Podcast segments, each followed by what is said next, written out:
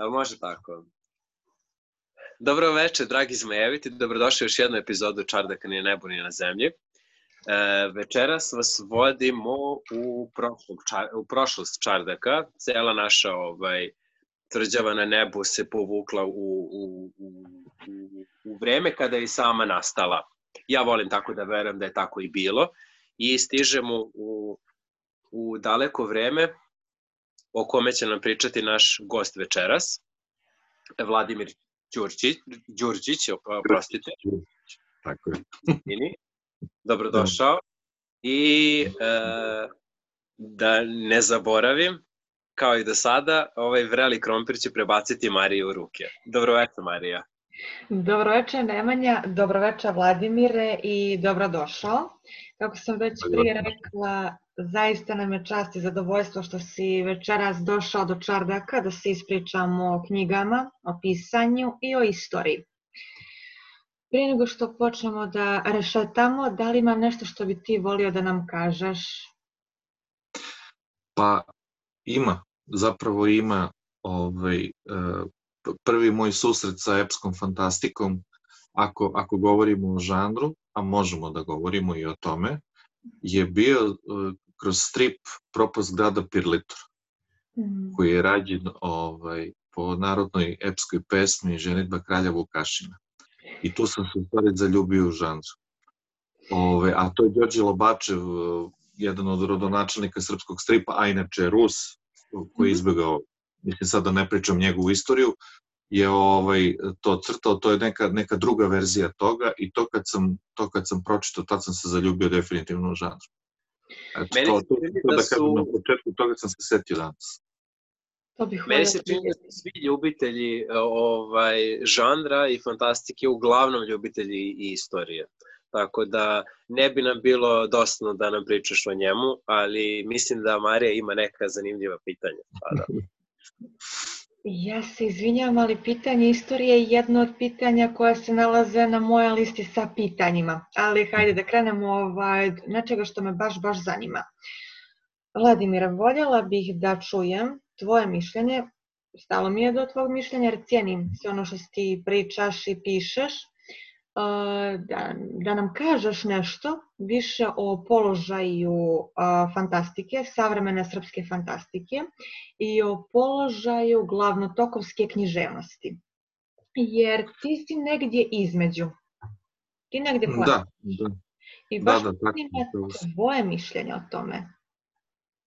Pa, što se žanrovske književnosti tiče, ja za, za žanrovsku književnost ne brinem, iz prostog razloga zato što ona ima svoju, ima svoju publiku. I imaće je uvek i to mislim da nije problem.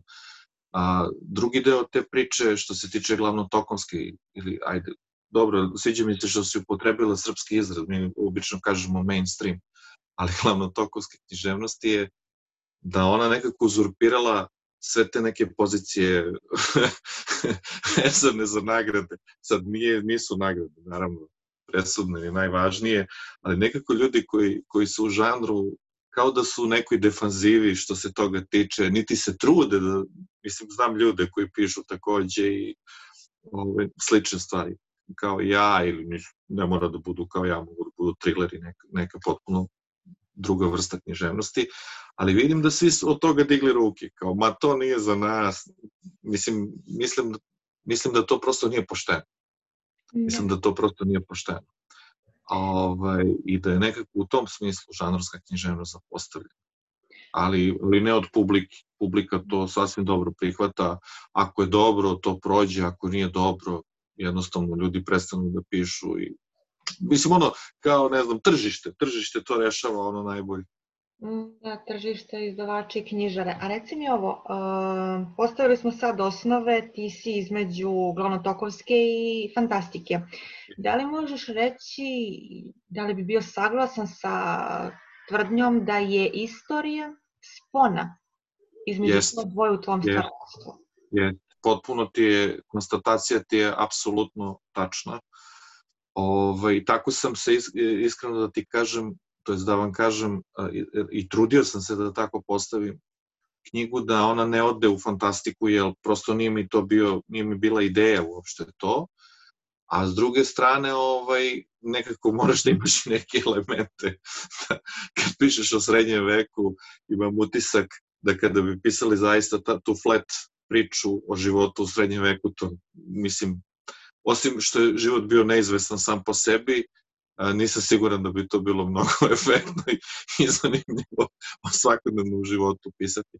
Tako da tu onda ubaciš te neke elemente koji pripadaju žanru fantastike, epske fantastike i drugim nekim podžanrovima i onda tu napraviš neku sintezu koja može da bude jedan, jedan ovaj, u jedna, jednom nedavnom intervju sam uh, je ovaj, me kolega novinar smestio, Dragan Milojković iz Hronika Helma me smestio u, u romantična, ovaj, kao nova romantika, naravno, znači da. ona prilagođena potpuno čitocu 21. veka, što moram priznati da mi je prijelo, nisam, ovaj, bilo mi je to zanimljivo, sad nisam razmišljao na taj način na tog mhm. trenutka dok on to nije umenuo, pa sam posle razmišljao, može i tako da se posmatra, mislim, Pa, može i tako. Krajnje, krajnje je jasno da u tvom romanu uh, Uroševe hronike Gospodare i župani uh, osjeća se ljubav prema istoriji i način na koji ti uh, nama govoriš o svom tom vremenu.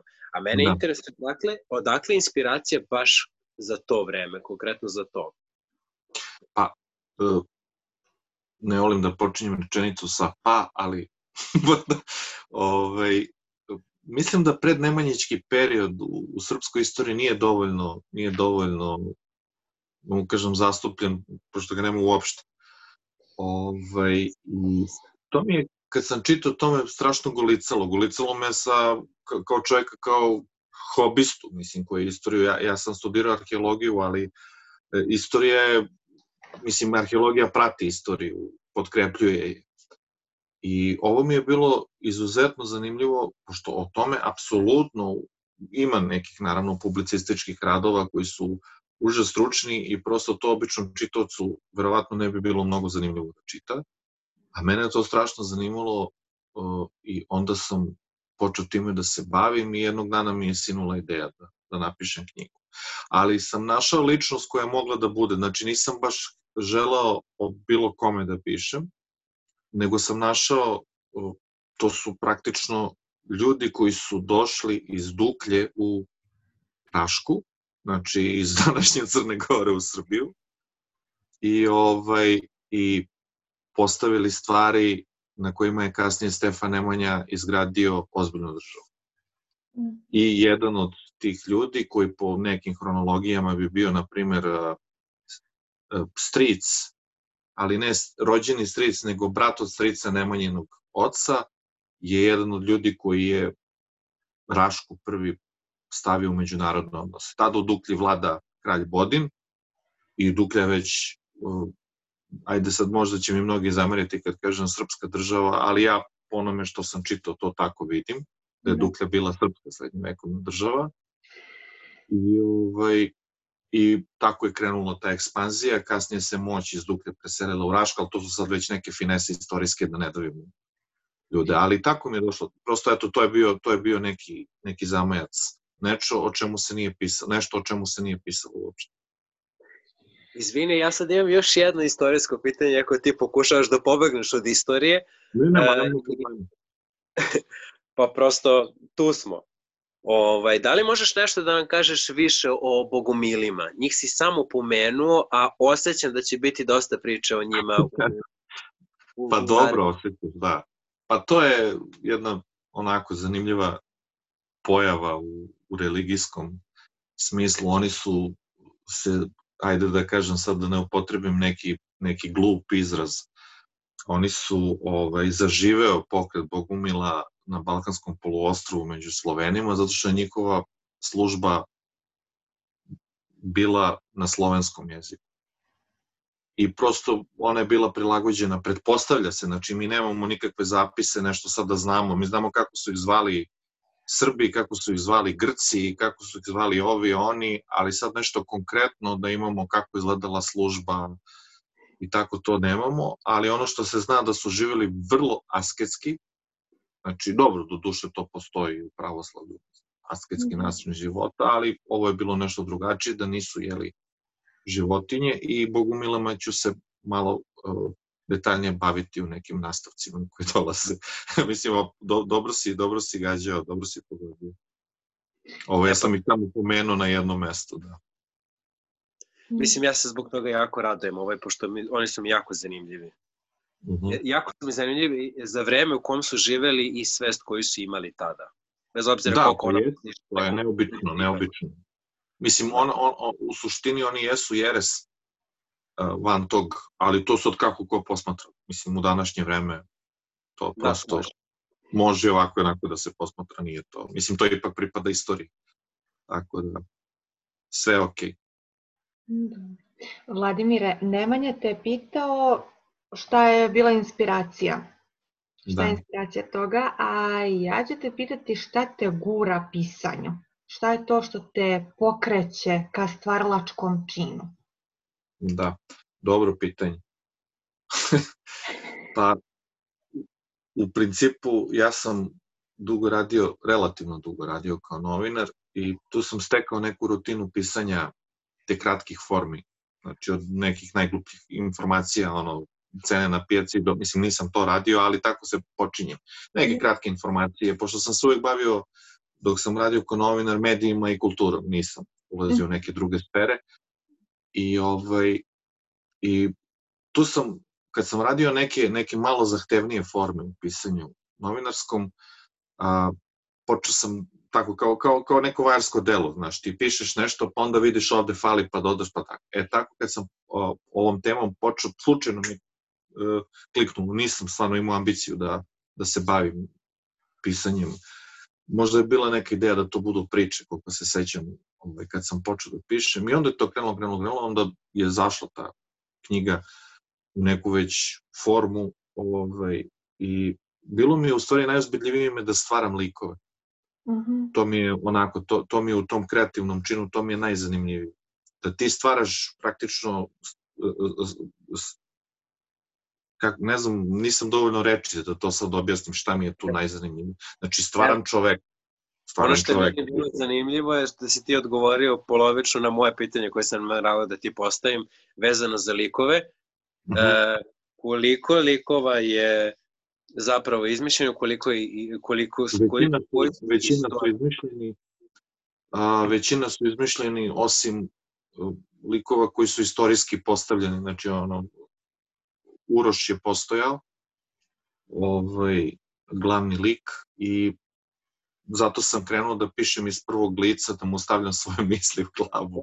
Jer čovek, jer čovek kad piše iz prvog lica, to je moje iskustvo, odnosno ja, sam, ja tako želim da bude i mislim da je tako, da si objektivan prema sebi, uvek znaš sve šta misliš i ono, ali subjektivan si prema drugima. I iz njegove vizure formiram druge likove. To mi je bila ideja da tako, da tako pravim. Pa, divno, divno. Da ne budem objektivan pisac, nego jednostavno iz neke subjektivne vizure da stvaram, da kreiram. A prvoš? Prvoš nije. Prvoš je izmišljeni lik koji prosto mora da bude tu, ovaj, mislim, tu su sve neke upostavci kako stvari treba da funkcionišu, on, ono što je falilo, to sam morao da izmislim. Istorijske ličnosti su njegovi otac, njegov otac, njegova majka, njegov brat koji se pavlja malo, a ostali su, ne računajući naravno župana Vukana koji u to vreme vlada Raškom, ove, ostali su izmišljeni. Ostali su izmišljeni. Kao i kompletna priča, osim te osnovne postavke, znači fikcija, istorijska fikcija u potpunosti. Da. Jedno pitanje dok smo u tom okviru. Da li je bilo teže konstruisati izmišljene likove ili konstruisati likove koji su postojali sa novom pričom? Uh mhm. -huh. Pa, u suštini vidi ovako, što se tiče izvora i onoga što mi znamo o tom periodu da se dešavalo, osim, znači, postoje ono tri stvari za koje ti kao, kao neki temelj koje ti služe u priči osim da su oni došli iz Duklje u Rašku, osim da su postojali i osim da se tu nešto izdešavalo što sad neću reći da će se dešavati u kasnim nekim nastavcima, mi apsolutno više ništa ne znamo. I onda možeš da, e, to je sad zahvalni deo zašto sam se baš uhvatio za taj deo istorije, ti možeš da se igraš s istorijom kako god hoćeš, a da ne pogrešiš, zato što, mislim, prosto možda je moglo da bude tako. To je, ovaj, izvini, nisam čuo. E, pa samo sam htio da kažem da nema informacija, tako da možemo da... Da, da, nema, izvori, izvori su tu vrlo, vrlo šturi, to su uglavnom uh, vizantijski, to je stromejski, to je grčki izvori. Ima nešto malo mađarskih izvora, ali oni se javljaju te kasnije. Ima naravno nekim, nekim papinim dokumentima se pomene tu i tamo neko od njih, od tih uh, vladara. Mislim da, mislim da ih možda spominje ovaj, letopis Popa Dukljanina, ali to je, to je jedan od najnepouzdanijih dokumenta ako se, izvora koji postoje. Tako da, kažem, osnova je tu i sad mi u toj osnovi pravimo nešto što može da bude neka unutrašnja priča, ne znam, možemo pravimo neku igru prestola, možemo da pravimo ovo, možemo da pravimo ono, epsku fantastiku. Mislim, svašta može tu da se, da se ovaj, E, neka rika. Pa, I ti si. Kako? izvinite, kada smo već e, pomenuli smo malo pre ovaj da je to bilo vreme kada kao srednji vek gde mi ne možemo mi možemo slobodno kada je već iz Uroševe perspektive ti možeš slobodno da predstaviš magiju kao nešto što on veruje da postoji. Da, da. Pa mene samo zanima, jer ti prosto opravdano je, pa mene zanima da li će, pored onog uh, u, u onom selu Velesovom, gde Mhm. imamo jednog brača, Tako, da li će tako. biti još takvih likova, pošto uh, mi se čini da su oni i uh, čak i uh, u istorijskim ovaj spisima upečatljivi kada se pominju, da kraljevi idu kod njih i dovode ih kod sebe, ne samo u našoj istoriji, Mm, nego u istoriji uopšte. Biće, biće, ovaj, ali, ali sam tu zamešateljstvo napravio u nekom drugom dramaturškom sklopu. e, Ne, mislim, biće, biće, biće svega u nastavcima, ovaj, zato što prvo to je, to je ovaj, vrlo zanimljivo da se piše o tome, a drugo i zahvalno je, zato što publika to voli. Tako da, mislim, iskreno, znaš, e sad, naravno, treba biti maštovit, znaš, nije, nije, stvar samo u tome uh, ono što kažu ljuljnuti to na papir i sad, znaš, kao sad našao si neku priču koju ljudi vole, ali ako je ta priča prazna, onda je malo i bez veze, mislim. Pa mislim Mora da je da ipak najbitnije, nešto što ima neku suštinu. A ovde čini mi se da sam uspeo da pogodim tu, to što sam ta kreacija, ta mistika koja je stvorena tu, mislim da sam uspeo da, da pogodim Pa ja i likovi čvrsto verujem da prosto uh, će biti najbolje ako budeš pisao onome što ti voliš i što si Tako ti. je, tako je, tako je to, tačno to, tako. To, je. mislim, uh, ja sam, uh, ne znam sad, ranije sam s Marijom u nekim, nekim našim prepiskama, kad smo pričali o uredničkom poslu, ovaj, tu sam shvatio da kada, mislim sad malo menjam temu, ali ima veze ovo sad, ba, ovom rečenicom si me podstakao da to kažem. Urednici su znači ne smeš da ne smeš da ga ne slušaš uopšte, a opet ne smeš ni da mu po- po- popustiš to što sve on sve što on hoće da ti to pišeš. Znači mora da se nađe neka sredina između urednika i autora, ali urednici su izuzetno značajni. Znači meni evo ja sam sad sad treba da izađe knjiga, ja nadam se narednih nekoliko dana nastavak i urednica je stvarno potpuno pogodila sve što mi je svaku, svaku, s tim što smo imali manje posla, dobro, ja sam stekao, meni je ovo debitanski roman o kome sad pričam. I već sam stek, stekneš neku rutinu u pisanju, znaš kako neke stvari trebaš da rešiš, ali njeni inputi su stvarno bili fantastični i vrlo dragoceni, ali nisam popustio oko nekih stvari, zato što ona, ona je, mislim, da ovom prilikom bih teo da pozdravim Jovanu Ristić, porod, eh, Jovanu Ristić, urednicu moje obe knjige, ona se porodila, dobila je devojčicu pre neki dan. Čestitamo. Mi je vrlo drago. Pozdravljamo, i- pozdravljamo Ovaj, i čestitamo. I, i, to je, I to je bilo onako, ali to je bila borba u prvoj knjizi, ona insistirala i onda mi ona rekla, kaže, pa moj muž je rekao, pa ne možeš čoveče sve da istaraš da bude najjasnije, mora nešto i da ostane onako čitaocu da razmisli sam. Ali kažem, stvarno, to je vrlo, ja moram priznati da ne razumem ljude koji, ovaj, koji ne slušaju urednike, ovaj, to mi nije, nije mi to baš ono kao, znaš, nekako mislim da imaju važnu funkciju u stvaralačkom ovaj, segmentu, da čisto da ti da neke karike koje ti kad popuniš, delo postane bolje. Mislim, na zajedničkom smo poslu, to hoću da kažem. Jasno. Ako ja mogu sad samo nakon ovog razgovora da puno pozdravim e, Miru Satarić i Kristijana Šarca i da je pošaljem velike pozdrave i samo ću se osmehnuti. Oni nisu ovaj, e, dobili bebu sada, ali svejedno im čestitamo. Super. Čestitam. Uh, Vladimira, sad ova baš priča, mislim, pitanje stoji od prije još, koja glasi kako bi ti knjigu volio da napišeš da nisi napisao ove istorijske knjige. A drugo pitanje, pa možeš možda da ga uvežeš ili kako li šta li, da li bi volio da, da li bi ti bilo interesantno da napišeš pseudo istoriju ljetopisa Popa Dukljanina? Da li bi ti U, to je dobro. Ajde da počnemo od, od ovog drugog pitanja, obrnuto. Volo bi da, to je jako zanimljiva tema. Ovaj, mislim, i njegova pseudoistorija je zanimljiva da se čita, iako je pseudoistorija. Da. Je jasno čemu se radi. Ali je jako zanimljivo i tu sad kreirati, da to bi moglo bude jako dobro. Izuzetno dobra priča. Izuzetno dobra priča. A ovaj, prvo pitanje, podsjeti me, za si me s ovim drugim. Sad vjerojatno praviš plot u svoje glavi šta bi mogao, kako Aha, bi... šta sam želeo, da, šta, kako bi knjigu da.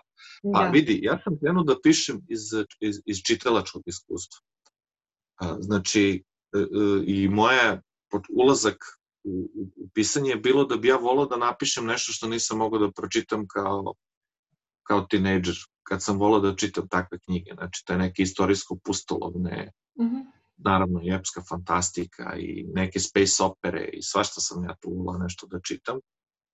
I, ovaj, i tako da, um, hm, dobro pitanje. Pa znaš šta, volao bi, kada bi to moglo da bude kao neka mešavina ovih engleskih autora, na primjer, koji pišu strahovito dobre, mislim strahovito dobre, to je glup, glupo to, ne, ne postoji tako, izuzetno dobre a, istorijske romane, koje isto nije pseudoistorija, to je kao da kažemo istorijska fikcija, kao Robert Conwell, na primjer, njegovo poslednje kraljevstvo sam čitao, to mi je, ali, ali opet tu ima nešto što kao meni nedostaje i ne znam, Martin koji ima, naravno, mislim, ne možemo ono, čovjek koji je oživeo žanra, mislim, posle, posle filma Gospodar prstenova, Martinove knjige su se pojavile, mislim, koje su toliko piktoresne da je to nešto nevjerovatno i likovi su živi i sad sve to ja da ne pričam o tome. I ne znam, i na primer Karla Maja i Žila Verna, mm -hmm. koji su opet imaju tu dozu naivnosti i ovaj, tog nekog uh, plićaka u priči, ali koji su toliko prijemčive ljudima i dan, evo ja sam skoro čitao 15-godišnjeg kapetana Žila Verna, mm -hmm i Dupljana estakada od Karla Maja. To su odlični, znači kad neko treba da uđe i voli to da čita, ja bi, ono, mislim sad klinci manje čitaju naravno, ali ne mhm. znam koliko bi im to bilo uzbudljivo, ja sa ovim iskustvom kažem na primjer, da imam 16 godina, ja bi te dve knjige čitaj 15-godišnjeg kapetana i Duhljana estakada i moj unak ima 15 godina i to, to je on možda oživljava sve što bi ja volao da sam mogao da budem da. kad sam imao 15 godina, a nisam. Ali tvoj unak, ali tvoj unak nosi breme celog carstva, tako yes, da pa, on ne može da ima 15 godina kao... Sam, sretno sam ustavio to. Iako on izbegava odgovornost, da sad ne otkrivam previše, nije on ono tip koji, koji ovaj, voli da rešava ovaj, a možda si to primetio dok si čitao, pokušava, ali e, i nesvesno upada u neke situacije da mora da reši, tako da sve se to nešto, mislim kao život u ostalom, znaš, pa, da. u životu svašta dešava. To je nekako ne, neki moment. Da mora. Da, tako da eto. Ja bih zaista pohvalio tvoj roman, ovaj, i iskritikuo što je tako kratak, ali pričali smo o tome i razumem sve. Da, da. Uh, on je jedna jako, jako dobra najava za ogroman serijal. Da, Tako može. Da ti sa ovim romanom nama uzeo zajam. I da. ovaj kredit ćeš morati da otplatiš jednog dana. I sa sve kamatom. ovaj, ovaj, Uh, nisi čitao onim sitnim slovima što piše ispod, ispod presuma. ovaj, Mislim da si ti pa... morao to da pročitaš. Šta kažeš? Mislim da si ti morao to da pročitaš. Da, ja sam, da, ja nisam to pročitao, slažem se. Da.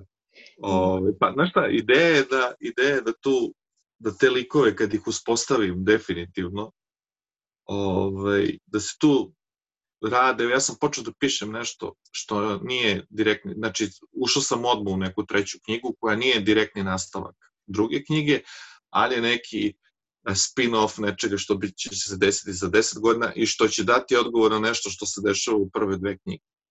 I lik nije glavni, uopšte nije, je, jeste jedan od likova, ali to neću otkrivati, bi bilo stvarno idiotski sad da to pričam i da davim ljude, ali tu mi se javila, javila jedna ova ideja da možemo da napravimo jednu bočnu priču, ono, znaš, kao napravimo ako si gledao film Povratak u, ako ste gledali film Povratak u budućnost 2, pa on objašnjava kako izleće istorija i da se tu stvara neki novi vremenski vrtlog i to mi je prošlo kroz glavu i rekao, ajde doživim da jedan od tih likova i ja sam ga napravio onako uh, mladim čovekom koji može da bude veliki potencijal i sad ajde taj potencijal da vidimo da li možemo da poentiramo s tim. I to mi je zanimljivo i to će biti malo oštrije napisano od ovoga, znači neće, biti, neće imati tu mladalačku naivnost, ali opet sam, ma mislim, ajde da ne pričamo o tom, nije to bitno. Mislim, svakako je super, svakako je super ako imaš ideje, ako imaš neke zapise šta će se kasnije dešavati, jer da. E, ne možeš sam sebe da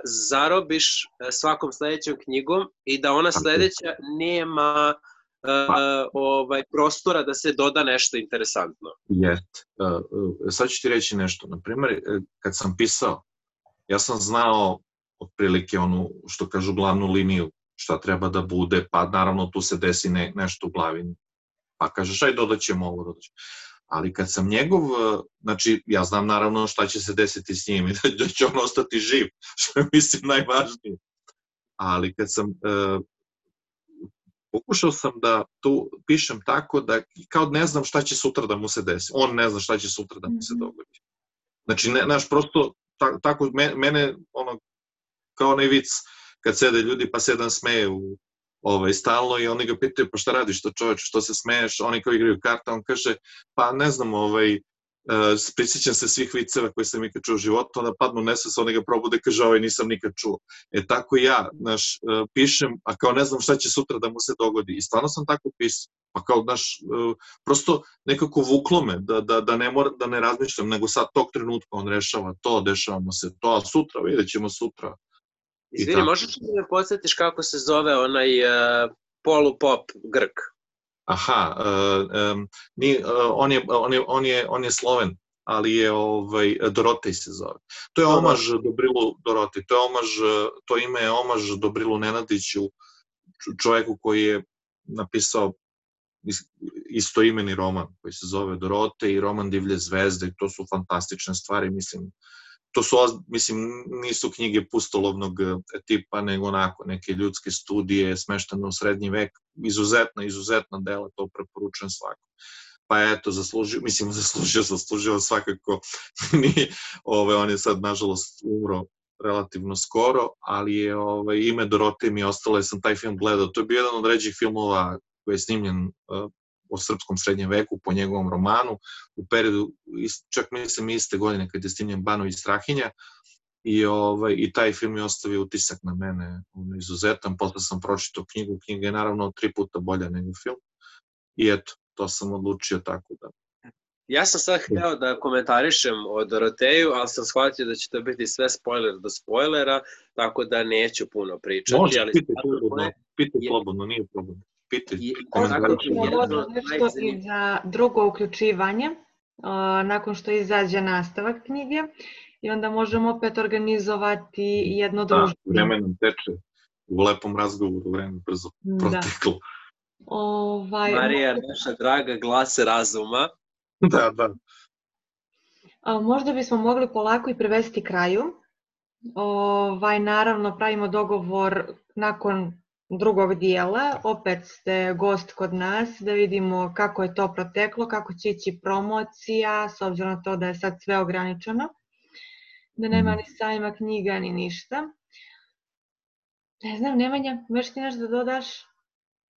Pa ja bih samo da se zahvalim, bilo mi je veliko zadovoljstvo razgovarati sa tobom u ovoj emisiji i generalno. Hvala vam, i, ja i stvarno bih volao, e, stvarno bih volao tako da, da podsjetio se, u svojim romancima podsjetio na neke stvari koje sam zaboravio i e, moram da pronađem svoju knjigu koju sam dobio za prvi rođendan o Nemanjićima i da je ponovo ovaj, Ne, ne Drago mi, je, mislim, drago, mi je, drago mi je da se ljudima u reakcije su u principu, kažem, čitalačke, čitalački i pisan roman. e, Ovaj, hvala, hvala vam ljudi mnogo, ovaj, a nadam se da će biti prilike da se, kad prođu ove sve ovaj, zgode i nezgode zdravstvene, da se vidimo u Beogradu na nekom realnom sajmu knjiga, ne virtualnom.